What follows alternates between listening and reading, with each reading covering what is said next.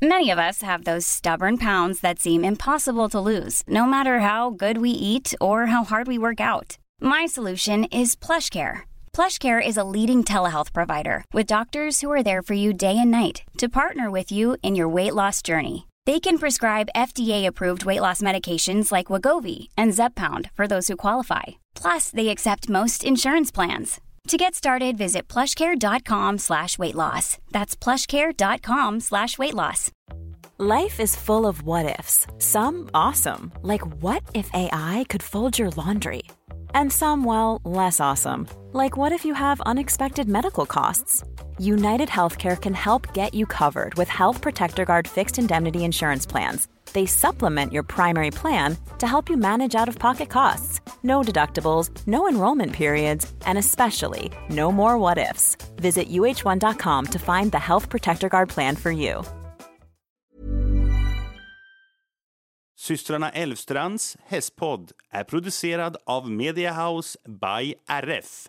Hej på er allesammans och välkomna till systrarna Elfstrands hästpodd avsnitt 109. Hej hej och det innebär ju att nästa avsnitt kommer bli en frågepodd Anna. Alltså det känns som att det var så himla länge sedan. Jag vet men det är ju för att vi hade avsnitt 100 och då var det ju vårt jubileumsavsnitt så då blev det ju en väldans blandning och ett väldans långt avsnitt istället. Det är i och för sig väldigt sant så att eh, det känns som att det var superlänge sedan och det ska bli väldigt kul att få svara på lite av era frågor igen så glöm inte att följa oss på Instagram, mm. systrarna Elfstrand för där kommer vi lägga upp en sån här frågeställningsgrej på Insta-story. Mm, exakt, det kommer vi göra. Och jag som pratar nu heter Emma. Och jag som pratar nu heter Anna. Och den här podden handlar ju om oss och våra tre hästar och egentligen allt som har med hästsporten att göra. Det gör den. Men hur är läget med dig då Anna? Nej men min rygg är ju på väg åt fel håll igen nu. Ja men alltså vilka problem du har haft med din rygg det senaste. Ja, men jag fattar inte varför heller. Man, man önskar att man kunde fråga sin egen rygg, vad har du för bekymmer? Vad vill du av mig? Vad, vad har du för bekymmer? Vad, vad ska jag göra liksom? Men eh, nej, så jag vet inte vad bekymret är med min rygg. Men vi ska ju till naprapaten igen den här veckan. Mm. Så jag får väl tro att det blir bättre efter det. Och jag ja. kanske behöver lägga in lite tätare intervaller nu till honom. Jag vet inte. Mm, jo men det kan nog faktiskt vara en bra idé. Det är ju segt. Jag känner mig faktiskt eh, alltså, bra i kroppen mot vad jag har gjort det senaste. Mina höftproblem är mycket bättre. Mm. Så det känns som en lättnad. Så vi sa det att du ska ju tävla dressyr nu med fokus till helgen är ju planen. Mm. Och eh, ifall din rygg är allt för paj då kanske jag får ta över tyglarna i så fall. Ja, är du pepp på det i så fall eller? Ja, men alltså jag, jag får göra det. Det hade varit en kul utmaning ändå. Ja, och det kanske kan vara bra för att vi ska prata lite mer om det senare i avsnittet. Eh, jag blir ganska besviken efter helgens eh, tävling. Mm. Men det kanske kan vara bra att bryta vårt mönster lite, jag vet inte. Nej, kanske det. Så du kanske får hoppa upp ändå? Nej. Nej. Planen är väl att jag ska försöka att tävla om jag ja. kan såklart. Men eh, jag hoppas att det ska bli bättre. Och jag, idag så har jag gymmat men jag har inte styrketränat för jag tänker att det kanske inte är så bra om eh, man råkar dra till någonting. Nej. Men då promenerade jag på löpbandet och sen så körde jag lite yoga efteråt. Mm. Och jag ska verkligen försöka att stretcha ut för du har ju pratat mycket om det här att när du har ont i ländryggen, mm. då är ju det på grund av att dina höftböjarmuskler är för korta. Ja precis, de är för tajta. Ja, så att jag ska försöka att lägga in det varje dag nu, stretcha mm. lite. Så det gjorde jag och så rollar jag även lite på sån här foam roller. Ja precis. Och alltså det gör ju så ont och det är så osmidigt när man har ont i ryggen också tycker jag. För att då blir det att man verkligen lägger asmycket tyngd på den här lilla mm. rullen. Så jag kanske får ta hjälp av dig lite i veckan och rulla på en sån. Ja men det får vi göra. Ja. Och alltså, jag kan ju verkligen rekommendera att stretcha lite grann varje dag. Hellre det tänker jag än att göra jättemycket en gång då och då för då blir det ju kanske inte av. Mm. Och jag kan ju som vanligt rekommendera Yoga with Adrian på YouTube för mm. hon har väldigt bra videos ifall man har specifika problemområden till exempel. Så när jag har haft ont i ländryggen så har jag liksom sökt på Yoga for lower back pain på hennes kanal och hon har olika spellistor också med olika problemområden eller om det är någonting som man behöver förbättra och sådär. Så det är faktiskt väldigt bra om man har smärtproblematik eller bara vill bli smidigare. Ja, jag kanske får söka på yoga for mid back pain i så fall. För jag har ju typ det här i, i mitten av ryggen. Ja, exakt. Det är inte vid skulderbladen och det är inte i länden utan det är verkligen där partiet mitt emellan. Ja, jag förstår. Och jag brukar inte ha problem. Alltså antingen har jag ont i bröstryggen eller ländryggen. Mm. Så det här är något helt nytt för mig. Ja. Och det känns också som att det är lite grann i musklerna liksom. Mm Mm, precis. Så jag blir icke klok på vad det är för fel på mig. Nej, men förra veckan så fick jag ett litet kroppsligt bekymmer som vi måste prata om också. Ja, alltså herregud. Ja. Jag och Emma vi tänkte att nu ska vi ta tag i vår kondition igen nu när vädret är fint och vi brukar ju cykla på gymmet som kondition men det allra bästa tänker vi det är att springa för att det är ändå så mest likt att rida som möjligt tycker jag. Ja, alltså jag tycker att löpning är det bästa för det är ju dels det som jag tycker är jobbigast. Ja. Det utmanar din kondition och eh, du kan ju göra både intervaller eller liksom jogga och just nu så joggar ju vi och jag brukar börja i ett ganska långsamt tempo och sen i slutet öka liksom. Mm. Och det är ju det som jag tycker Ja, men det liknar ju både när man ska hoppa en banhoppning och när man ska rida ett dressyrprogram att det är den uthålligheten som behövs. Och då skulle ju vi ut och springa i onsdags för första gången sen november tror jag det var jag sprang. Sen så kom det ju eh, alltså snö och kyla och sådär tidigt i år. Så då har jag inte sprungit sen dess och sen så har jag haft problem med mina höfter nu också under vintern. Men nu är de good to go så då tänkte jag att yes, då ska vi ut och springa. Och du tog ju täten och började springa först och så sprang jag bakom dig för jag sa jag vet inte hur mina höfter kommer reagera. Och i början så hade jag lite ont. Jag sprang typ så här tre steg och sen höjde till lite. Jag bara, ja men vad, vad trevligt liksom. Så då fick jag springa väldigt långsamt i början. Men sen när jag hade sprungit så här, ja men kanske en tredjedel av den totala sträckan så kände jag, ja men nu börjar det kännas bättre, nu har jag inte så ont. Så då kunde jag öka på farten successivt. Och sen på hemvägen så alltså, sprang jag ganska så snabbt för att vara mig. Jag kände mig så här pigg och stark och att eh, det kändes som att min kondition var mycket bättre mot vad jag trodde att den skulle vara. Så jag fick så här gött flow i löpningen. Och sen var jag ju såklart helt slut när jag var klar där eftersom jag hade sprungit ganska så snabbt i slutet. Men jag mätte ju också hur långt jag sprang och jag fick ju lite av en chock när jag såg att jag hade sprungit 4,8 kilometer. Mm. För det hade jag inte riktigt räknat med. Nej, och jag kan säga att jag sprang inte så långt för att jag, alltså jag har lite problem att hitta ett långsamt tempo för mitt mål är ju egentligen att göra likadant som du. Att man börjar lite långsamt och sen stegrar uppåt lite. Ja. Men jag har ett bekvämlighetstempo som är lite för snabbt för att min kondition ska orka med det. Ja. Men mina ben säger att det här tempot är det bästa för dig.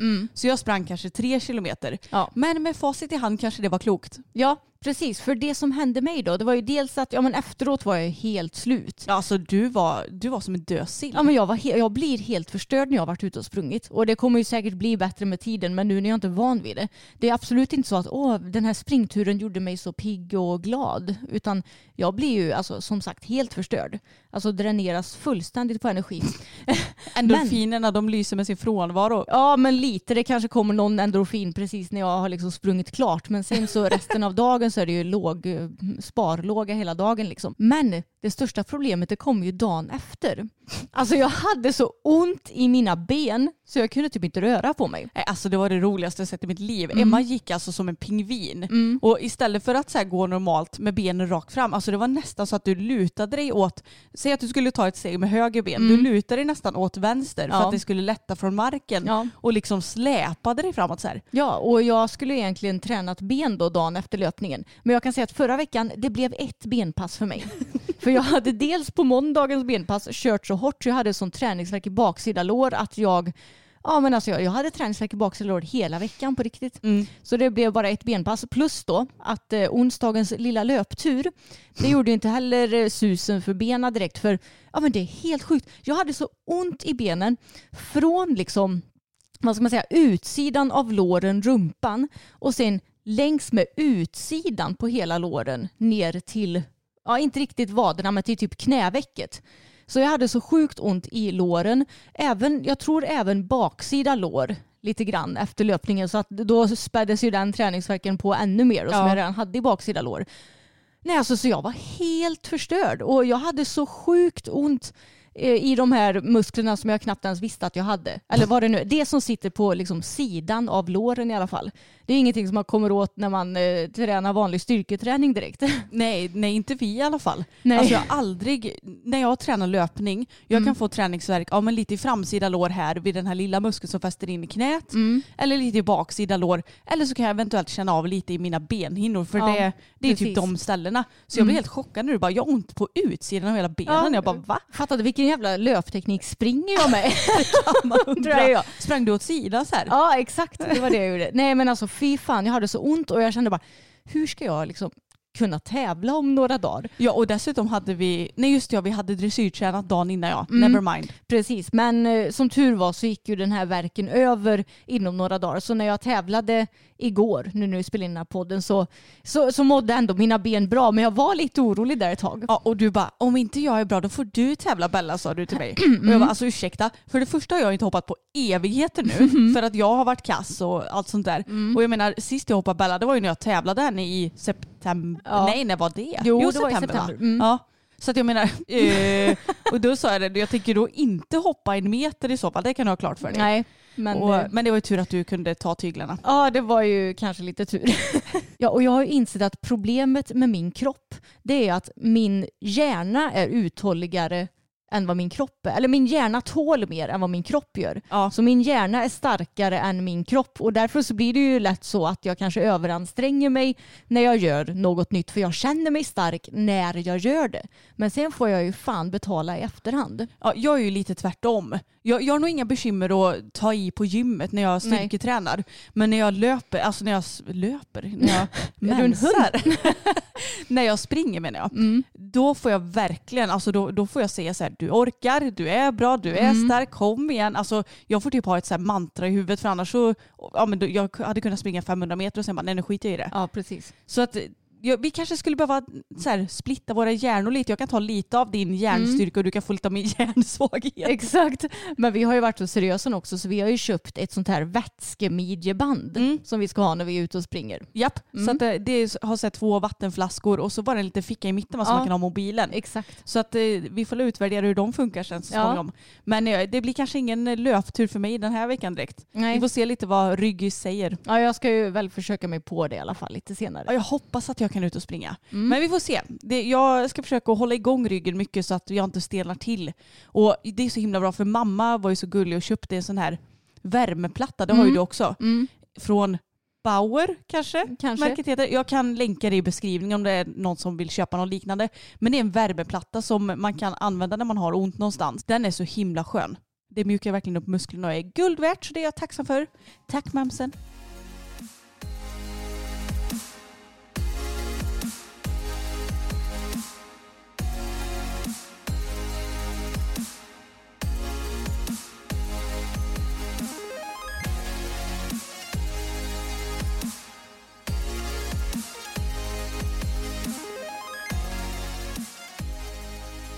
Okej Anna, det har ju hänt ganska mycket för oss nu den här veckan sen vi spelade in förra poddavsnittet. För vi har ju hektiska veckor nu med mycket att göra med hästarna. Det har vi, men det är ju verkligen jätteroligt tycker jag. Och det känns som att eftersom det varit två väldigt konstiga år på grund av pandemin så är du och jag ganska taggade på att komma ut och tävla nu. Herregud, alltså jag skulle kunna tävla varje helg. Hela tiden. Tävla, tävla, tävla, tävla. Men ibland så behöver ju både vi och hästarna lite tävlingsvila också. Exakt, det är nu du, vi skulle haft en häst till som du kan tävla på. verkligen. Mm. Men eh, inte just nu. vi är inte sugna på en till här. Så den frågan behöver ni inte ställa nästa vecka. Eller jo, lite Jo, halvsugna är vi i och för sig. alltså grejen är att jag är typ lite halvsugen på en till häst att så här, träna och tävla med. Mm. Men jag är egentligen inte sugen på en till häst att ta hand om och eh, mixtra med skit. Alltså du fattar vad jag menar. Mm. Man är både sugen och inte sugen. Ja, du skulle bara vilja typ rida någon annans häst på tävling typ. Nej, Eller inte det heller egentligen kanske. Men, Men, någon, eh, inte, eller, vad ska man säga, foderhäst. Alltså säg att någon eh, skulle typ, eh, någon person skulle få, bli gravid. Skulle du kunna tänka dig att ta emot den hästen då under tiden? Och, ja, men det hade jag nog inte tackat nej till faktiskt. nej, om det hade Men varit en bra häst då? Ja, men det är bara det att jag känner lite att alltså, jag har ju fokus och taget på mitt samvete. Mm. Så då kan ju inte jag ta en till häst. För då har jag tre hästar och du en. Ja, men vi får ju hjälpas åt Jo, jag såklart. vet. Men det är fortfarande lite så här, man bollar lite i tanken så här att åh, det, det är ju skönt att ha tre hästar men samtidigt så, alltså det som jag kan sakna lite, det är ju Mm. det här att vi rider i två omgångar. Ja. För som det är nu, då får ju, ja men säg att det är en helt vanlig dag och vi Mm. kanske rider ut på sig Fokus och Bella. Mm. Ja men då får ju antingen du eller jag rida ut en sväng på Tage eller göra något med honom och det är lite Ja. segt att göra det själv. Ja, alltså jag tycker ändå det går ganska bra för om vi har något jobbmässigt så, ja men förra veckan till exempel så red ju jag ut på Tage medan du redigerade din renoveringsvlogg. Jo, Så det funkar ändå bra, man kan hjälpas åt lite så. jo men så är det ju. Men det, alltså, nu funkar det ju bra när vädret är lite roligare. exakt. men det är ju inte lika kul de här trötta december, januari, Nej. februari månaderna. Det kanske är därför som vi är lite sugen på någon häst nu, bara för Ja. att det har blivit vår och att det har varit så sinnessjukt bra väder hela marschen. Ja men typ lite så. Alltså nu kommer jag typ av mig vad vi, vad vi skulle prata om. För Jo, att men, vi börjar eh, prata om ny häst. Jag vet vad vi skulle prata om och det var ju lilla tankningshistorien. Ja just det ja. Nej, men, så kul för att vi har ju tävlat båda två i helgen. Mm. Jag i Skövde och du i Vänersborg. Och vi använder ju din inom citationstecken bil, det är ju Mm. pappas bil då som du använder hela Ja. tiden. Och jag har ju en liten elbil så jag behöver inte tänka på det här med att tanka och sånt där. Och då är det ju självklart att jag tankar upp din bil ibland för att jag menar vi använder ju den till att åka till tävlingar och träningar och sånt där. Mm. Så det är liksom inga konstigheter. Men så var det så himla kul för att då sa jag till Emma att ja, men kan inte du köpa lax till mig? För att Mm. jag skulle laga lax i veckan och hade glömt att köpa det. Och hon bara jo men det kan jag göra. Så kommer hon tillbaka från affären när hon har varit och handlat så här. Och jag bara ja vad eller då beklagar du dig så mycket på att lax var så himla dyrt. Mm. För då hade du ju dessutom inte bara köpt en förpackning lax utan två. Ja, för jag, du sa köp fyra portioner lax och då visste jag inte, alltså jag vet inte, killar kan ju äta så mycket så jag visste inte hur många sådana filéer Samuel äter. Nej, för det är ju sådana här portionsbitar. Och jag förstår ju vad du menar för att alltså, Samuel kan verkligen äta jättemycket. Ja. Så att det är ju inget konstigt. Men eh, nej, så då så sa du att ja, men de här två förpackningarna kostade 180 kronor så här, och Mm. Beklagade lite över det. Så då langade jag upp telefonen och tänkte swisha över 200 spänn då till dig. För då hade du köpt en mörk choklad till mig också. Mm, nej, då säger Emma eller så kan du tanka upp min bil istället. Så jag bara, jaha, så att eh, det är liksom antingen swishar dig 200 kronor eller tanka upp din bil för över 1000 kronor. Ja. Ah, ja, ja. Ja. Nej, men det, du formulerar det så in i helskottas roligt alltså. jag bara, det är inte samma sak. Nej. Men jag tankade upp bilen sen. Och alltså det dummaste av alltihopa, bensin och dieselpriserna är ju helt åt skogen just nu. Mm. Det är så dyrt så att det är inte klokt och jag vet att många har bekymmer med det här och ja, alltså vi är ju inte glada vi heller kan vi Nej. konstatera. Men så skulle vi tanka då och då gjorde vi det såklart när dieselpriserna var som absolut dyrast Ja. hittills i livet. 26 och vad var det? 26 och en halv eller något sådär. Ja, 26 och 80. 26 och 70, 7. 80, Ja. ja. Det var så här svindyrt. Mm, men det ska också tilläggas att vi tankade ju på den macken där det var som allra billigast där. Så liksom inne i bara kostade det över 28 spänn. Ja. Så att jag ska ändå vara glad för att jag inte tankade för 28 kronor litern. Mm. Men nu är det ju nere på 24 och 4. Mm. Och det sjuka är att då känns ju det nästan billigt bara Ja, för att man är vet. van vid att det kostade 26 Mm. helt plötsligt. Nej alltså, jag är så trött på att det är så dyrt. Mm. Men eh, det är vad det är. Vi behöver ju lite diesel i vår bil så det är bara att betala och se glad ut. Ja, det behöver vi. Och ja, det var nog bra att du liksom tankar upp den. För nu ska ju du på två tävlingar och jag på två tävlingar. Alltså så här tätt. Så då, jag tror att det blir nog liksom en tank då som försvinner och sen kan jag tanka upp bilen igen. Ja men herregud man får ju turas om. Det är liksom inga konstigheter. Men jag tyckte att din formulering var så kul. Ja, Att antingen swishar du 200 kronor eller tankar upp min bil för det var väl typ 12 ja 1300 1200. spänn. För det, Ja. var inte, det var inte riktigt eh, slut. Utan det var nog typ så här tre fjärdedelar tank du skulle tanka tror jag. Ja, och då var det så kul också för då hade inte jag med mig någon plånbok den dagen. Så då sa jag att ja, men Emma du får tanka så får jag swisha dig. Och så frågade jag sen när du kom in i bilen, ja, vad ska jag swisha då? Du bara, ja men det blir 1200 kronor. Mm. Och då sa jag, ja, är det verkligen 1200 kronor eller har du typ rundat upp från så här 1950? Alltså du kan ju göra det ibland.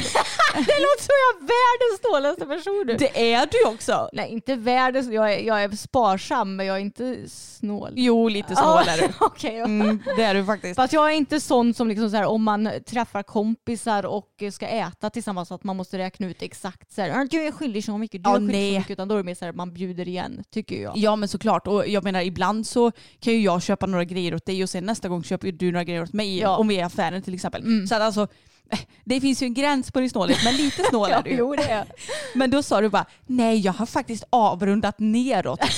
då backade du för att visa så här. Då kostade det 1240, alltså 1200 kronor och 40, 40 öre. öre. Så då hade du alltså rundat av neråt från det. Jag bara Ja. tack för att jag slapp att betala 40 öre till. You're welcome. Men samma dag så åkte vi och tränade dressyr. Och då red vi för bästa Johan och vi var ute i paddocken och jag rider ju före dig och så rider du en halvtimme senare än vad jag gör. Så att eh, jag rider klockan 16.30 till 17. Jajamän, i godan ro tog jag ut min lilla häst och skrittade honom något varv runt hela anläggningen innan jag satte upp. Och, alltså jag märkte ju på honom att han var ju väldigt, väldigt, väldigt uppblåst. Ja. Alltså huvudet var så högt upp så jag tänkte att herregud är det en häst eller en giraff jag äger? Mm. Ja, och så kom jag upp på hans rygg.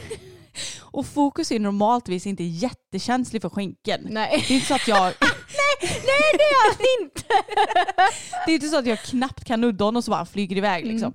Nej men då hade jag ju gjort allt för att samla upp tyglen och allt sånt där. Och så la jag om skänken precis så mycket som jag brukar göra för Ja. att be honom att gå iväg. Nej då sprätte han ju iväg så här. och jag bara åh, herregud. Så här. Och sen några sekunder senare så försöker han gnägga, han kan ju typ inte göra det när jag sitter på. Och sen så börjar han stegra lite halvt och galoppera och gnägga samtidigt så här. Han kan ju inte gnägga. Så jag fick gapa efter Emma som var så här på andra sidan paddocken bara Du får ta ut Bella, det här går inte. Ja, så det såg så jävla kul ut för jag gick där och sen hörde jag bara och så samtidigt som han stegrar och Anna bara ta ut Bella, Emma, ta ut Bella! Synd att vi inte fick det på film. Jag vet, för Bella hon stod ju i transporten och gnäggade efter fokus också. Mm. Hon, hon gör ju inte några större bekymmer av det mer än att hon gnäggar men hon blir liksom inte galen. Hon har inga problem med att bli lämnad till exempel. Nej. Det, då är hon ju lugn men samtidigt om fokus hade blivit lämnad i transporten då hade det tagit hus i helvete liksom. Ja, alltså, men grejen är att han stegrar ju absolut inte högt. Jag har ju Nej. aldrig suttit med en som stegrat högt. Men han typ stegrade, galopperade så att det var nästan som han gjorde sådana här små levader eller vad Ja. heter det? Precis, och det ska ju tilläggas att det var en annan häst i paddocken som tränade innan dig. Ja exakt, så han var ju inte ens själv. Nej, men det dög inte. Nej den dög inte. Nej, det det- var ingen Bella. Nej, det var Bella som gällde. Så jag var ju tvungen att ta ut henne då. Egentligen mycket tidigare än vad jag hade beräknat att göra. Ja, och det roliga är att alltså, när vi tränar i ridhuset, då gör han ju inga konstigheter. Nej. Så jag fattar inte om han känner sig lite tryggare i ridhus eller vad det nu är. Ja, eller att han kanske förstår att ja, men Bella hon är där i transporten och att han kan känna av hennes närvaro mycket bättre. Ja, hon bara “She is so close but yet so far away”. verkligen. Alltså han var helt tokig. Och jag var så här, igen, alltså min hjärna var så kluven för jag bara egentligen är det väldigt, väldigt bra att träna på att han, hon inte ska komma ut ur transporten och göra någon sällskap. Men vill jag verkligen ramla av? Det var så här, en övervägning jag gjorde. Och jag orkade inte bråka. Nej. Så att då tog du ut Bella. Och då var han så fin sen. Alltså han har varit så jäkla fin hela den här veckan. Ja, Han har varit som magi att sitta på. det var kanske den där extra spicen och energin han behövde för att gå så bra. Ja, fast i och för sig så gick han även väldigt bra i måndags. Just och då det. var han ju inte sådär spicy. Nej, nej precis. Nej, han har varit skitfin nu det Ja, senaste. superfin. Så att jag njuter av eh, ridpassen Ja. honom. Bella var också fin. Jag eh, red ju i min nya dressyrsadel som vi har lagt upp en film på på Youtube. Japp. Och eh, det gick jättebra så jag tycker att hon rör sig ännu bättre med den. Det märks att hon gillar den jättemycket. Eh, jag hoppas på att Josefin ska kunna komma nu i veckan annars så kan vi ta det säkert nästa vecka Ja. och kika hur allt ligger för jag tänker att jag vill ha någon liten stötdämpande padd också eftersom jag har ju bekymmer med rygg och höfter och eh, Bella Att sitta ner i traven. att sitta ner, ja, att sitta ner i traven. Jag tänker en studsande Emma, det behöver inte liksom Bella direkt på sin rygg heller med tanke på att hon har ju diskproblematik också och Det är i och även för sig längre bak på ryggen, ska jag sitta på rumpan hon har ju också kissing spines i typ hela Ja ryggen. just det. ja. Mm, det är inte för att hon verkar ha några bekymmer med det men eh, jag tänker att man kan ju försöka underlätta så gott det går. Såklart. Mm. Men det gick verkligen toppen med eh, Bella för Johan också. Och vi, det som vi tränar på nu det är att hon verkligen ska ja, komma ner lite i formen. För hon har ju sin bekvämlighetsform som är ja, men, ganska så hög ändå skulle jag säga. Tycker du att den är så hög som typ medelsvår C-form eller tycker du att den är lite mitt emellan? Nej, lite mittemellan skulle Ja. jag säga.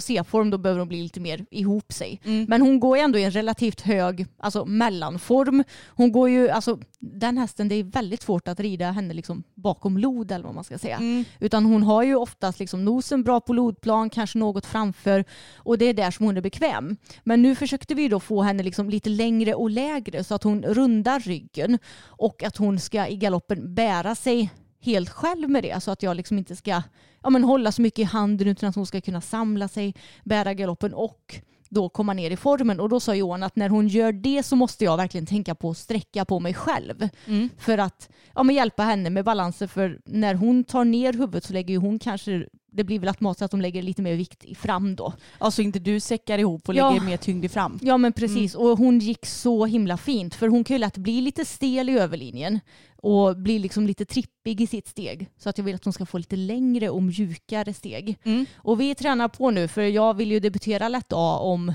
ja, men drygt en månad kanske. Ja, i april någon gång. Ja exakt. När det finns någon passande tävling. Precis, som har lätt A1 för som sagt lång bana, not there yet. Nej, även om det programmet är väldigt kul tycker jag. Ja, jag vet men det kommer väl så småningom. Mm. Sen så fick vi roligt nog ihop en mentalträning med Anna också dagen efter Mm. dressyrträningen. Och alltså våra hästar är ju väldigt, väldigt olika Ja. kan man konstatera. Mm. För nu skulle vi göra en ny övning där vi ska, ja men först ska man, hur ska man förklara den här i bara pratord? Menar du den övningen vi gjorde sist?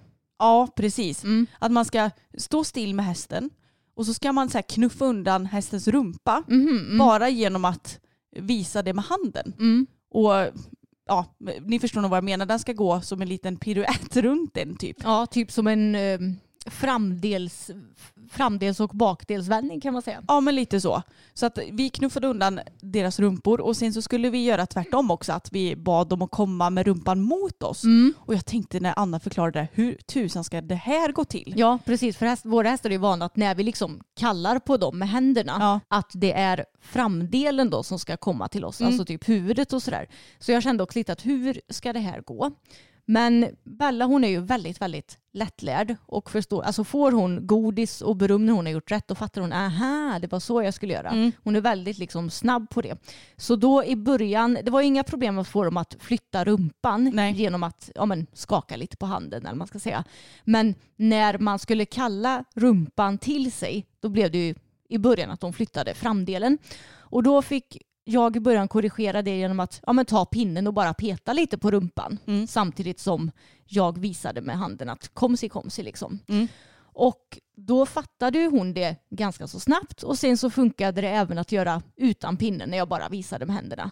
Så alltså det gick väldigt, väldigt snabbt för hennes del. Ja, jag kan säga att det gick inte lika fort för min häst. Nej. Han är ju lite som, alltså han, han är ju traumatiserad i grund och botten så att det kan nog säkert vara därför som det tar lite extra tid för honom. Ja. Och han har lite svårt för att förstå det här med att flytta rumpan också. Mm. Det är något som vi måste bli bättre på, helt klart. Men då när jag försökte få honom att komma med rumpan mot mig genom att bara vinka. ja, men man säger så här, kom kom. kom, kom. Mm. Mm, Då, han förstod ju absolut ingenting utan han gick ju bara ifrån Mm. mitt lilla tryck som blev. Och då försökte jag också med så här att veva med pinnen på andra sidan om rumpan. Men då blev han bara så att han bara stelnade till och bara vad, vad vill du? Så till slut fick Anna stå på den ena sidan Mm. med pinnen medan jag vinkade kom kom. Mm. Och så till slut så förstod han ju. Men han har ju också sådär, funkar det på ena sidan då har han antagligen jättemycket svårare på andra sidan. Ja. Och då är det knappt att det fungerar där. Men jag tänker lite så här att ju fler stora hinder vi stöter på, om vi kan övervinna dem, desto bättre kommer ju han att må och bli tryggare och sådär. Så att det är ju inte något negativt egentligen att vi stöter på sådana här bekymmer. Nej. Men eh, det var inte så lätt att få honom att förstå att jag skulle, eller att jag ville att han skulle komma med rumpan mot mig. Mm. Men till slut så lossnade det lite grann i alla fall. Så det är något som jag ska försöka att träna mer på den här veckan. Ja men det var väldigt kul och sen gjorde vi också en rolig övning i slutet där vi skulle nästan tumköra hästarna. Mm. Fast vi har ju repgrimma och då har vi ju repet. Vi stod ju bakom hästarna och så gick repet på ena sidan och sen så hade vi bara en pinne på andra sidan. Mm. Och sen att vi skulle köra dem slalom mellan koner kan man säga. Ja det låter ju kanske ganska så enkelt. But it wasn't. Nej, det var det inte. Och Bella hon har ju varit lite spicy det senaste. Alltså att hon har haft väldigt mycket egna åsikter. Mm. Vilket ju hon också hade på mentalträningen när hon tycker att jag blir ja, men, tråkig eller att jag är för otydlig på något vis. Hon får mycket energi. Så alltså ibland fick jag ju så här, Anna bara, nej men nu får du gå och liksom longera henne lite och låta henne springa av för hon var så himla busig. Ja, hon var så pigg också. Ja, hon, har varit, hon har varit väldigt pigg och glad det senaste. Det kanske är någon sorts vårkänsla som kommer. Mm. Nej, så då blev det ju lite bekymmer när vi skulle göra den sista övningen för att hon ville ju göra allt så himla snabbt och ta grejerna i egna händer. Men sen till slut så lyckades jag i slow motion få henne runt den här lilla banan som vi hade satt upp Mm. utan att hon liksom på något sätt skulle dra iväg. Och då såg man på henne att hon bara hon, hon, det var nästan lite som att hon gav upp och bara ja, ja, Ja. jag får väl göra det här då. Jag får väl ta och lyssna på matte då. ja, hon bara du är så tråkig. Ja, verkligen. Men det gick ändå bra. Men hon är lite alltså upp och ner i sitt eh, humör just nu. Ja, men så är det ju. Och Fokus gjorde faktiskt den här övningen ganska bra. Mm. Han, han hade svårare att förstå när jag ville att han skulle gå framåt och sen blev han lite för snabb ibland. Men då var det bara för mig att ruska lite i repet för honom så här att ho ho, ta det Mm. lite lugnt här nu så vi hinner med. Men han var faktiskt ganska duktig på det. Det handlar ju också så himla mycket om våran egen koordination. Och det är inte alltid så jäkla lätt när man gör någon ny grej att bara så här, ja men koordinationen den är ju på plats redan från början. Så är Nej. det ju inte. Så att eh, det var väldigt nyttig övning för både koordination och för ja, men vårt samarbete tillsammans med Mm. hästarna. Verkligen.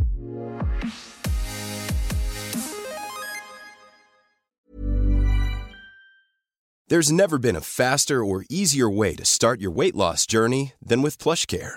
PlushCare accepts most insurance plans and gives you online access to board-certified physicians who can prescribe FDA-approved weight loss medications like Wigovi and Zepbound for those who qualify.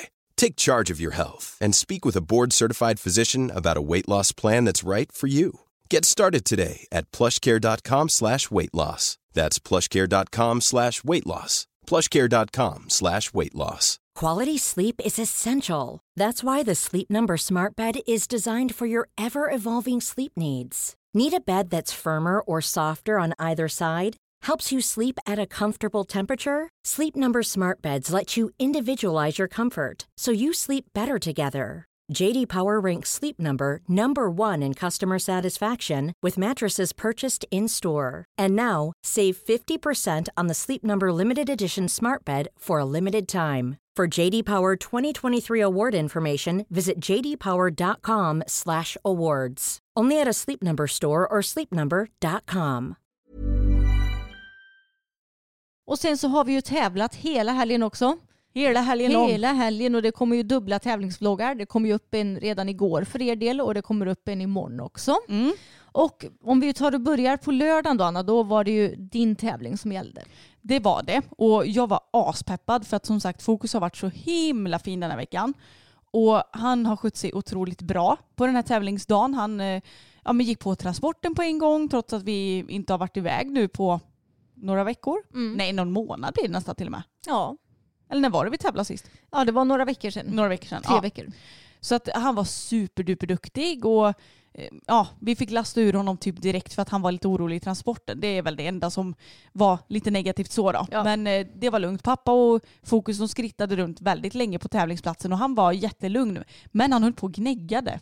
Ja, det gjorde han. Ja. Men han fick beröm av pappa för han sa Fokus han har blivit så snäll. Han trampar mig aldrig på tårna längre och han går verkligen fot med mig. För annars så kan ju Fokus Ja men hans bog kommer ju flyga lite hur som helst när han är spänd och vi hade ju väldiga problem med det förr i tiden. Man fick verkligen passa sig så man inte skulle bli trampad. Lite så. Alltså han är ju en riktig boghäst. Ja, Så att, eh, det är inte alltid jättekul att leda honom. Men jag har lärt mig att man, alltså man får ha en liten så här, jag tänkte säga en vass armbåge, men ni, ni förstår vad jag menar då, när man ska försöka knö sig fram bland folk. Så man kan så här, bara pet pet på bogen när han blir lite för närgången. Men jag tror inte pappa har riktigt förstått den grejen än. nej. Men han var superduktig i alla fall så vi kikade på något ekipage inne på banan och sen så kollade läget lite och så innan vi började sadla och greja.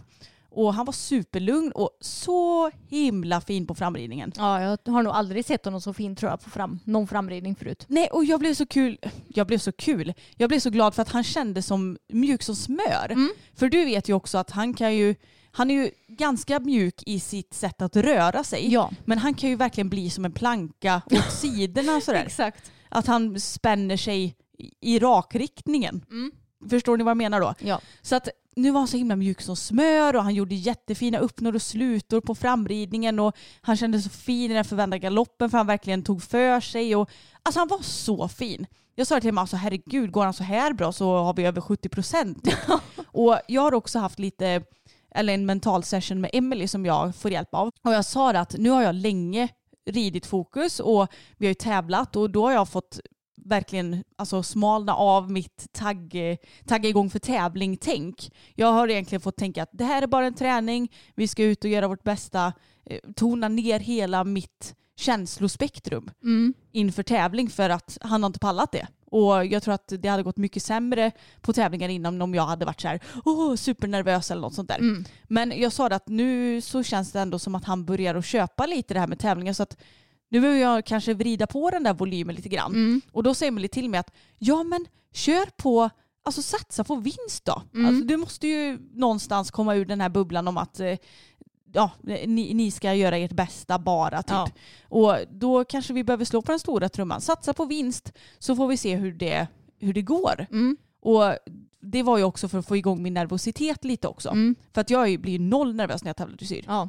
Och lite nerv är alltid bra för att Mm. då presterar man oftast mycket bättre. Bättre, ja. mm. Så att jag tänkte på det och också att eh, jag sa det för att jag blir ju nervös när jag hopptävlar. Mm. Så fort de säger varsågod och rid så går det bara ett så här nervrus genom hela min kropp. Ja. Och då sa hon, ja men föreställ dig att det är ett hinder då vid X. Mm. Så att du känner det att när, när du sätter igång och när domaren blåser igång det att du blir lite nervös för att du ska styra på ett hinder. Mm. Sen är det ju inget hinder men ja, ni Ja. förstår tanken.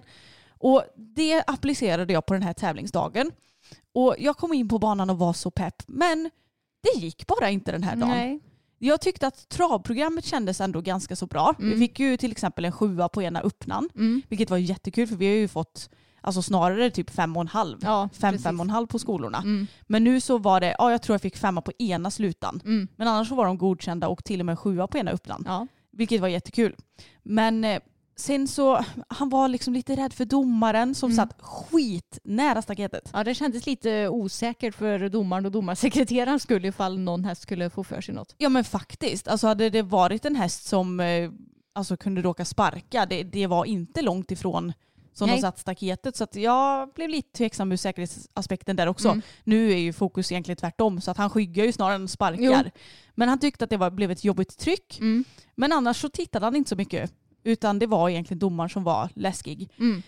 Men sen så kom vi då till galoppen. Och jag tänkte att gud vad skönt, nu kommer vi ändå till det som han brukar få bäst på. Mm. Förutom möjligtvis eh, förvända galoppen. För Ja. att där, ja men ni som lyssnar på podden, ni vet ju att vi har det lite kämpigt med den. Mm. Och jag fattar inte varför. För att hemma funkar det hur bra som helst. Ja. Men det är kanske när han får den här lilla spänningen han får på tävling så blir det att det bara sätter ja, jag tror det. någon käpp i, i huvudet på honom eller något. Mm. För jag tror inte att jag gör något annorlunda. Nej. Jag försöker ju mitt allra bästa och Mm. rida så bra som jag bara kan.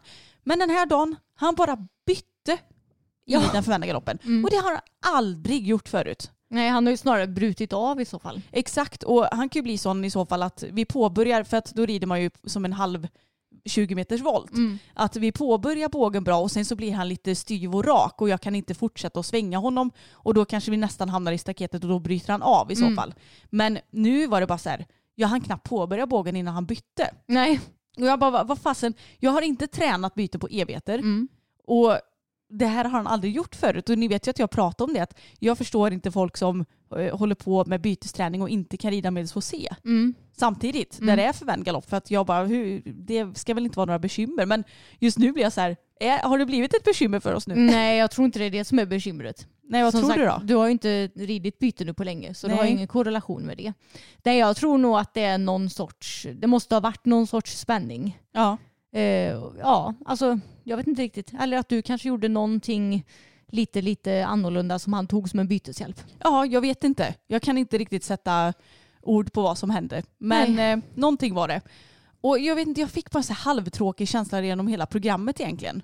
Eller genom större delar av programmet och det kändes bara inte så himla bra. Nej, alltså jag, jag, jag såg ju det att han inte alls gick lika bra som han brukar göra och det här var ju er sämsta medelsvår C-runda skulle jag säga. Mm. Så det var synd, han var så himla fin på framridningen. Ja, och hur ofta hör man inte hästmänniskor säga exakt så? Ja. Han var så fin på framridningen men på banan gick det inte bra. Mm. Jag förstår inte. Är det vi ryttare som spänner till? Nu skulle jag ju spänna till lite av eh, ren medvetenhet men jag tycker inte Mm. att han var annorlunda jämfört med när jag tonar ner mina nervkänslor. Nej. Så att jag förstår bara inte. Jag, jag är lite så här, jag vet inte riktigt vad jag ska göra just nu. Mm. Just nu känns det inte så jäkla kul att tävla dressyr ärligt talat. Eh, utan jag blir mest bara så här, det känns inte som att vi kommer framåt riktigt. Utan vi har stått och stampat länge nu och jag vet också att jag, jag tävlar ju i en svårare klass nu än vad jag gjort innan. Mm. Så det är såklart högre krav från domarens sida och det är svårare rörelser. Det kan bli mer missar på grund av det såklart. Men jag tror du förstår lite vad jag menar. Mm. Det, nu är jag så här, resultat är absolut inte allt utan jag går mycket på hur det känns under rittens gång och så också. Jo. Men man får en liten törn på självförtroendet när alltså vi typ aldrig har varit ens i närheten av någon placering. Mm. Nu, nu överdriver jag för att vi har varit det några gånger. Men det, det är liksom så här, jag har tävlat honom nu i tre år. Ja. Och det känns verkligen som att vi står och stampar. Mm. Och jag förstår också att alltså det är ju en häst som det tar väldigt tid med. Och en vacker dag kanske det lossnar. Men just nu känner jag mig ganska omotiverad ärligt talat. Mm, jag förstår det. Lite uppgiven. Ja men lite så. Alltså, jag är egentligen väldigt pepp på att tävla och utvecklas. Och som sagt han har varit så himla fin den här veckan. Mm. Så att jag, jag, vill, jag vill ju visa upp det. Mm. Det är ju det som jag längtar efter. Och jag blir så här, ah, vad ska jag göra? Ja. Ah, jag blir så trött. Mm. Och jag är inte trött på honom. Det, det är bara så jag är trött på situationen. ja. Han kan ju inte rå för det. Han gör ju säkerligen sitt allra bästa. Ja. Men jag var ändå väldigt besviken i lördags. Ja, jag förstår det. Och det är ju när du förlorar typ så här 90% av all känsla när du kommer in på banan också. Ja, Det är nog för att man brukar förlora en del känsla men kanske inte riktigt så mycket. nej men det är liksom, han tappar bjudning och jag tappar min ridning. Alltså vi tappar allt i princip känns Mm. det som. Så att det är så himla himla tråkigt verkligen. Men eh, ja, jag får se hur jag går vidare med det här. Jag tänkte att jag ska nog ta och prata med Kajsa igen. Mm. Med, med djurkommunikatören som har eh, gästat vår podd. Mm. Och se om vi kan få någon liten lösning på det här. Ja. För att jag tror att det största bekymret är ju just att han lite, han går in lite i sin egen bubbla på tävling Mm. och lämnar lite mig utanför. Hade han bara förstått att jag aldrig skulle utsätta honom för något farligt, för att det, det är ju lite så det känns som att han tycker sen. Mm. Ja men det här är ju en livsfarlig situation. Mm. Då tror jag inte att det hade blivit samma känsla för att jag, han tappar ju den här finkänsligheten för skänken och allt sånt där. Så att vi får se lite hur jag går vidare. Men jag sa det till honom att jag kanske bara ska ut och tävla hoppning ändå. Då. Ja, exakt. Det är det som jag... Men herregud, min hals. Det är det som jag har försökt säga till dig nu. Så länge du kom igen när du får tävla hoppning. Det har ju gått jättebra när du har tävlat hoppning med fokus. Då har du fått, det har varit mycket roligare än när du tävlade dressyr. Erkänn. Jo, men jag hatar att tävla hoppning. Alltså, ja, men man vet aldrig när man startar. Nej. Utan det är alltid en stress för mig att säga, ja, när det är lagom att sitta upp, ja det blir för länge, det blir för kort, det blir stressigt. Och så ska man gå banor och komma ihåg allt det i huvudet och man kan inte förbereda sig någonting innan hemma direkt utan Nej. allting är på plats.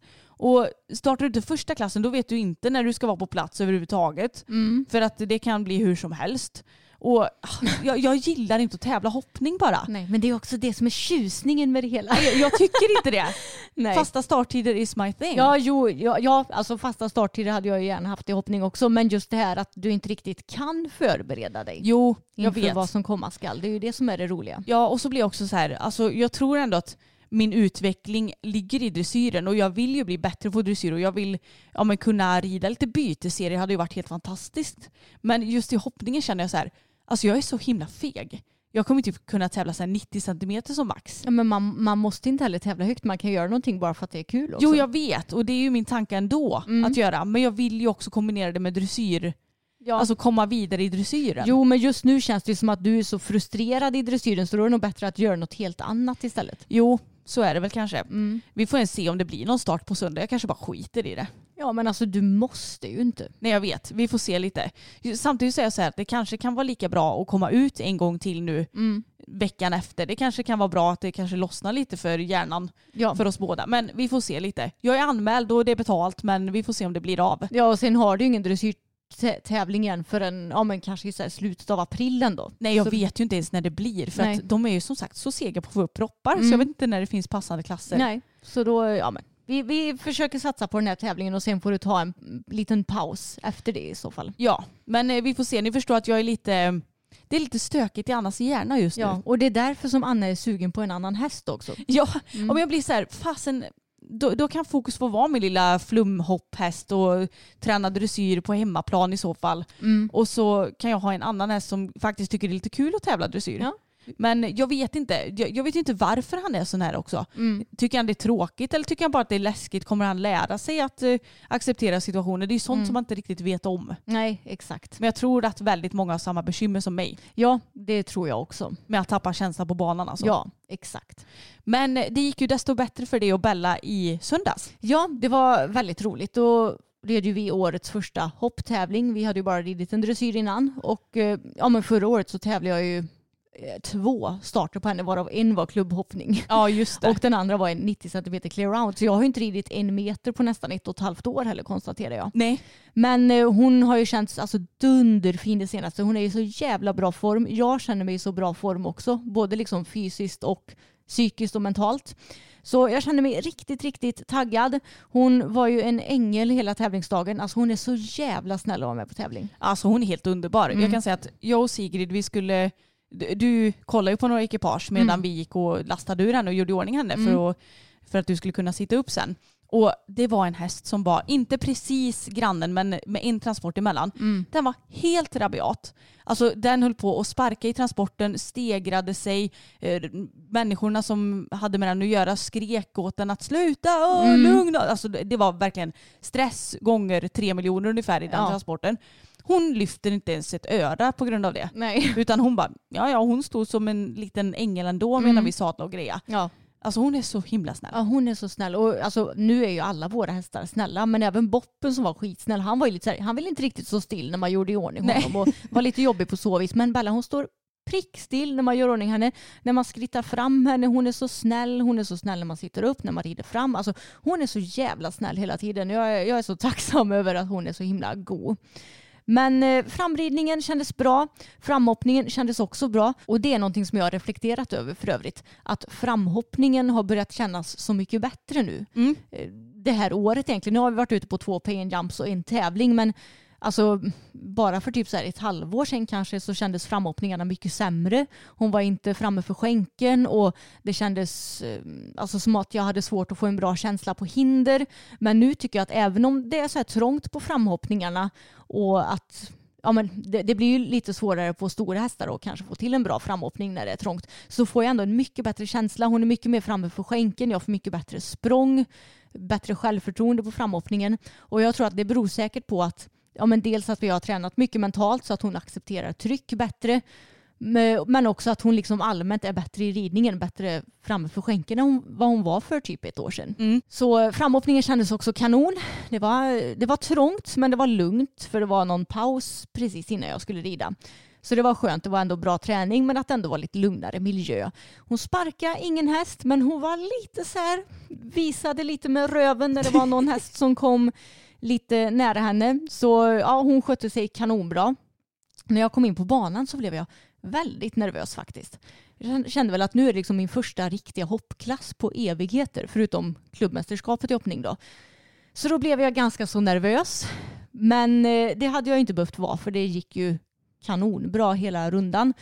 Vi körde igång på ettan och hon hoppade som tusan och jag kände att ja, hon är laddad, hon är verkligen redo för det här. Alltså jag fnissade lite när ni styrde mot ettan. Mm. För att man ser att Bella tar typ ett långt galoppsprång som att hon bara nu kör vi matte. Mm. Och då får du typ ta en liten halvvalt för att så här, Ja. "Hörru, nu ska vi inte komma för nära ettan här. Nej, exakt. Nej, hon, hon var jättehärlig verkligen hela rundan.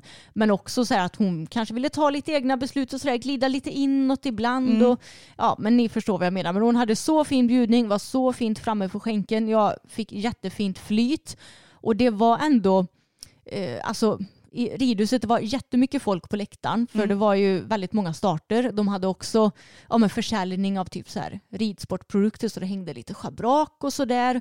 Och vissa hinder stod precis intill väggen och dörren var öppen och det är sånt som hon tidigare har kunnat reagera på eftersom hon är så pass tryckkänslig. Mm. Hon reagerade ingenting på det så det känns också som ett så himla skönt kvi- kvitto att hon bryr sig liksom inte om hur anläggningen ser ut längre. Nej, träningen ger resultat liksom. Ja, för det är ju Mm. sällan själva hindren som har varit problem för hennes del utan snarare ja, olika, att det har stått typ så här, åh nu står det fem funktionärer på en, en rad i reflexvästar. Mm. Det var jättemycket tryck och det var jobbigt. Mm. Så det känns som att träningen har gett resultat. Jag fick jättebra känsla hela banan runt, tyckte att jag red jättebra. Men tyvärr så följer en bom. Ja men alltså den där bommen hade verkligen lika gärna kunnat ligga kvar. För Ja. det var bara så här tjoff. Ja, jag märkte inte ens att hon rev. Jag Nej. var ju så här, när jag hade hoppat sista hindret, bara, ja, nu börjar vi omhoppning och så bara avbryt. Jag bara, jaha, rev jag något hinder? Ja, det gjorde jag tydligen då. Jag tror att det kanske berodde på att hon, hon tryckte lite inåt i den svängen Mm. och att hon kanske blev lite lång mot det hindret. Jag tror att optimalt hade kanske varit om jag hade kunnat få ut svängen lite och lägga in ett till språng. Men eh, alltså jag gjorde det jag kunde i den situationen jag befann mig i så jag, alltså det fanns inte så mycket mer jag kunde göra. Nej, Jag kanske en pytte, pytte, pytte liten halvvalt bara för att få upp henne lite. Men Ja. det är också sånt som är så, det är så här detaljnivå som är så himla svåra Mm. grejer också. Precis, men alltså supernöjd. En meter kändes inte högt på något vis så det känns ändå skönt. Eh, Det känns som att jag känner mig väldigt trygg med den här höjden nu. Vilket jag typ knappt har gjort tidigare på henne. För det har ju varit så att vi båda har varit mycket skadade. Nu har vi båda varit igång länge. Jag känner att både hon och jag är i väldigt bra form. Så då känner jag mig mycket tryggare på den här höjden. Mm. Så nu är jag ju sugen på tävling igen om två veckor. Och då hoppas jag att vi ska komma till omhoppning så att jag ändå kan få rida en omhoppning i en meter och se hur mycket jag vågar rida i den klassen. Mm. För jag har ju vågat rida ordentligt i ja, men 90 centimeter. Ja, Men jag har ju bara startat en omhoppning i en meter förut och då tog jag ju det lite mer safe. precis. Men det var ju också, är inte det typ ett och ett halvt Jo. år sedan nu? Mm. Så att det är ju länge sedan. Och alltså jag, jag tänkte på det när ni red banan att det här ser löjligt enkelt ut för er. Ja. Så 1,10 är ju absolut inte långt bort. Nej men det känns inte som det är så långt bort. Nej. Och det har ju ändå känts väldigt långt bort förut tycker jag. Ja, och jag, jag tänker att vi kanske borde sätta oss ner någon dag och bara göra som en grov planering. Mm. För då skulle du kunna sätta så här ett, ett preliminärt tävlingsplats Mm. att debutera i 10 på. Ja. Det behöver inte vara skrivet i sten men Nej. jag tänker då har man lite som en målbild också Ja. att träna inför. ja men exakt. Jag har ju satt upp i Ridley att jag vill ha debuterat 1.10 innan december. Ja, Men om vi båda kan fortsätta hålla oss friska så känns det som att det är betydligt tidigare än så som det målet kommer äga rum. ja men innan sommaren känner ju jag rent spontant men det är ju inte jag som ska tävla heller. Nej, alltså rent kroppsligt och fysiskt absolut. Vi hade kunnat debutera i 1.10 imorgon men det är liksom min hjärna som ska vara med jag på det vet. också. Men jag tror inte det är långt bort för er. Nej, det tror inte jag heller. Men Anna, vi har ju för övrigt fått många kommentarer om att vi har utvecklats mycket i vår ridning nu det senaste. Ja, alltså jag blir så himla glad. Ja, jag med. Det är kul att det syns för att det känns ju Mm. för oss. Men eh, jag blir jätteglad när ni kommenterar det för det känns så himla fint att, att det syns även utifrån. Ja, vad tror du att det beror på då? Att vi utvecklats. Mm. Oj, eh, jag tror att Johan har en jättestor del i detta. Ja, För eh, vi har ju ridit för honom nu sen i, ja vi, när började vi rida? Typ i november, december där någon gång va? Och Ja, sen, det var ju lite sporadiskt i början. ja vi tränade väl, jag tränade min första träning från och med början av september så du Ja. kanske gjorde det i augusti då eller? Ja just det, det kanske ändå är så pass. Mm. Men han tror jag är en jättestor del av det. Men alltså även Annas hjälp Mm. som vi får med den mental träning från marken. Men sen tror jag också att vi båda har blivit lite mer så här att vi Alltså vi har velat bli lite mer seriösa inom ridningen. Mm. Innan så har vi varit så här, vi tycker om hästar, vi älskar att rida men vi är inte så himla hype på att utveckla sådär värst mycket när vi hade bara tag och boppen. Nej. Så jag vet inte, det är nog en blandning av alltihopa. Ja, Och, och våra nya hästar också Ja, såklart. exakt. Jag som känner- inte är så nya längre. Nej, men jag känner för min del så tror jag att jag har utvecklats väldigt mycket nu eftersom Bella har fått vara frisk så länge. Ja. För jag menar när Bella var skadad då hade jag ju boppen men han var liksom 20 plus. Och det är inte så att jag kanske kunde utveckla min ridning så mycket på en 20-årig häst. För jag menar jag var ju tvungen att ta det lugnt med honom, inte hoppa alltså några höga hinder och ja men du fattar. Ja. Eh, Men med Bella som är ung så känner jag att det finns ju jättemycket som jag kan utveckla i min ridning på henne. Vi kan utvecklas väldigt mycket tillsammans. Hon ger ju mig också väldigt bra självförtroende. Hon är en väldigt självförtroendeingivande häst och en häst som också vill väldigt mycket själv, som är väldigt rolig att jobba med varje dag. Och nu när hon har fått vara frisk, då har ju jag kunnat utveckla både dressyren och hoppningen väldigt mycket med Mm. hjälp av våra tränare också. Så det är jag väldigt tacksam för. Och sen har jag också blivit mer seriös i min egna träning av min kropp. Alltså förut har jag varit lite sån att man kanske har undvikit det som har varit lite jobbigt. Till Ja. exempel core-träning. Ja. Men nu har jag ju gett mig fan på att jag ska få en stark core. Och då går ju, alltså får du en stark core så påverkar ju det så mycket i både ridningen och även andra övningar på gymmet. Exakt. Två minuter och 40 sekunder på plankan är uppe i nu. Ja det är sjukt. Mm. Jag är inte där. Nej. Men eh, det kanske kommer en vacker dag det också. Ja. Nej men jag tror också att det spelar så himla stor roll och jag har ju garanterat utvecklats mycket sedan jag köpte Fokus för att jag var tvungen. Ja. Alltså, hade jag ridit exakt likadant som på Tage så hade vi inte varit där vi är idag. Nej. Så det är jag helt övertygad om. Men jag måste också säga, alltså rent mentalt så tycker jag att eh, ja, men det står väldigt bra om det i Johanna Lassnacks bok. Att ja, men alla kan ju inte bli världsmästare och tävla kanske svårklass i varken hoppning eller dressyr. Men då får man istället satsa på att jag ska bli bäst på en meter hoppning till exempel. Ja men precis bäst på sin nivå. Ja, jag ska bli bäst på lätt B-dressyr, en meter hoppning. Och jag känner nu att jag vill ju bli bäst på allround i lätta klasser med Mm. Bella. Att jag vill att vi ska, vi ska prestera jäkligt bra i både dressyr och hoppning på den nivån som jag är bekväm med. Mm. Och att man ändå att, att jag tänker att jag är en elitidrottare fast jag inte är det. Exakt. Alltså både mentalt och fysiskt. Och att jag är så seriös även när jag ska gå in och hoppa en en meters hoppning eller rida en lätt B-dressyr. Mm. Du fattar? Jag förstår precis vad du menar för att många kan tänka så att ah, ja men det här är bara en lätt B-klass i dressyr. Mm. Men du ska vara lika förberedd som den som går in i en Grand Prix-klass. Ja men exakt. Och det tycker jag att vi också har ändrat vårt tänk mycket Ja, i. jag vet. För förut så var jag väldigt mycket så här, när jag lärde in ett dressyrprogram så var det så här, ah, ja men först så är det halt hälsning och sen så är det snett igenom med lite längdtrav. Alltså att man bara gick igenom vägarna. Mm. Men nu har jag ju lärt mig mycket mer att visualisera. Nu är jag inte så bra på det tror jag. För Mm. att jag tror att jag behöver utveckla den biten ganska mycket. Men jag ser ändå lite framför mig hur jag ska rida, Mm. när jag ska ta mina halvhalter, när jag ska lägga på skänke för att be hästen att eh, länga ut traven Mm. och så vidare och så vidare. För att då eh, har du det planerat, Mm. då, då kanske du inte får med 100% av det på programmet men du kanske får med hälften i alla fall. Ja, Och det är ju mycket bättre än om du bara sitter där och tänker vilken väg det ska vara och kanske glömmer bort att rida. mm, precis. Ja, men jag tycker att vi har utvecklat, utvecklats mycket både i det ridtekniska det senaste och i vårt mentala tänk. Mm. Och sen så har vi ju hästar som utvecklar oss väldigt mycket fast på olika sätt. Mm. Fokus är ju en mycket större utmaning än Bella men en häst som Bella utvecklas du ju på väldigt mycket också eftersom ja, men hon ger ju så mycket. Ja, det gör de verkligen. Mm. Det gör de ju båda två på Mm. olika sätt som du säger. Men Anna, när du och jag är på tävlingar så kommer det ju nästan alltid fram följare och pratar med oss, vilket är väldigt roligt. Men det var ju faktiskt alltså, nytt rekord kan man ju säga på tävlingen i Skövde i lördags. Ja, alltså det var så mycket följare Mm. och det var jättekul. Vi tog ju bilder med många. Ja, alltså jag tror på riktigt, jag, jag, eftersom jag stod på marken så tog jag fler bilder än vad du gjorde Ja. som red. Jag tror att jag kanske tog 20 bilder eller något i lördags. Ja, men vi, vi låter ju inte det här, alltså inom citationstecken nu, kändisskapet stiga oss åt huvudet på något vis. Utan Nej. vi är ju snarare så att vi räknar inte med att folk vet vilka vi är. Mm. Så att eh, därför så är det ju väldigt konstigt om vi skulle bete oss på något annat sätt. Men det var så kul när vi skulle åka från tävlingsplatsen. Mm. För då hade vi lastat in fokus och, och, och skulle ba- backa ut och åka iväg så här och så sa att ja, men eh, det står två tjejer vid ridhusväggen sa jag bara så här. Mm. Eh, Inte för att pappa hade tänkt att backa så långt men bara så att han liksom visste om det. Och så svänger pappa runt så här för han kör och så tittar på de här tjejerna och så vinkar han och inte bara så här en vinkande ni vet från höger till vänster Mm. utan nästan som en, en, en eh, Drottningsvinkning. Drott, ja, så här, att man vrider bara själva handflatan så här. Och jag bara, men pappa, du, för det första, du kan ju inte bara vinka på folk så där. Och för det andra, är, tror du att du är Princess Diana? Eller? För alltså, det såg så himla så här högtidligt ut när han vinkade. Jag vet inte, för att jag tänker så att vinkar någon på mig då vinkar jag tillbaka. Mm. Men jag är kanske inte den som vinkar först. Så här, för Nej. att jag, jag, jag tänker så här, eftersom vi ändå är de vi är, vi är lite offentliga personer. Mm. Då kanske folk tänker bara, men herregud vilka tror man att de är? De vinkar så här bara på folk. Men pappa han bara.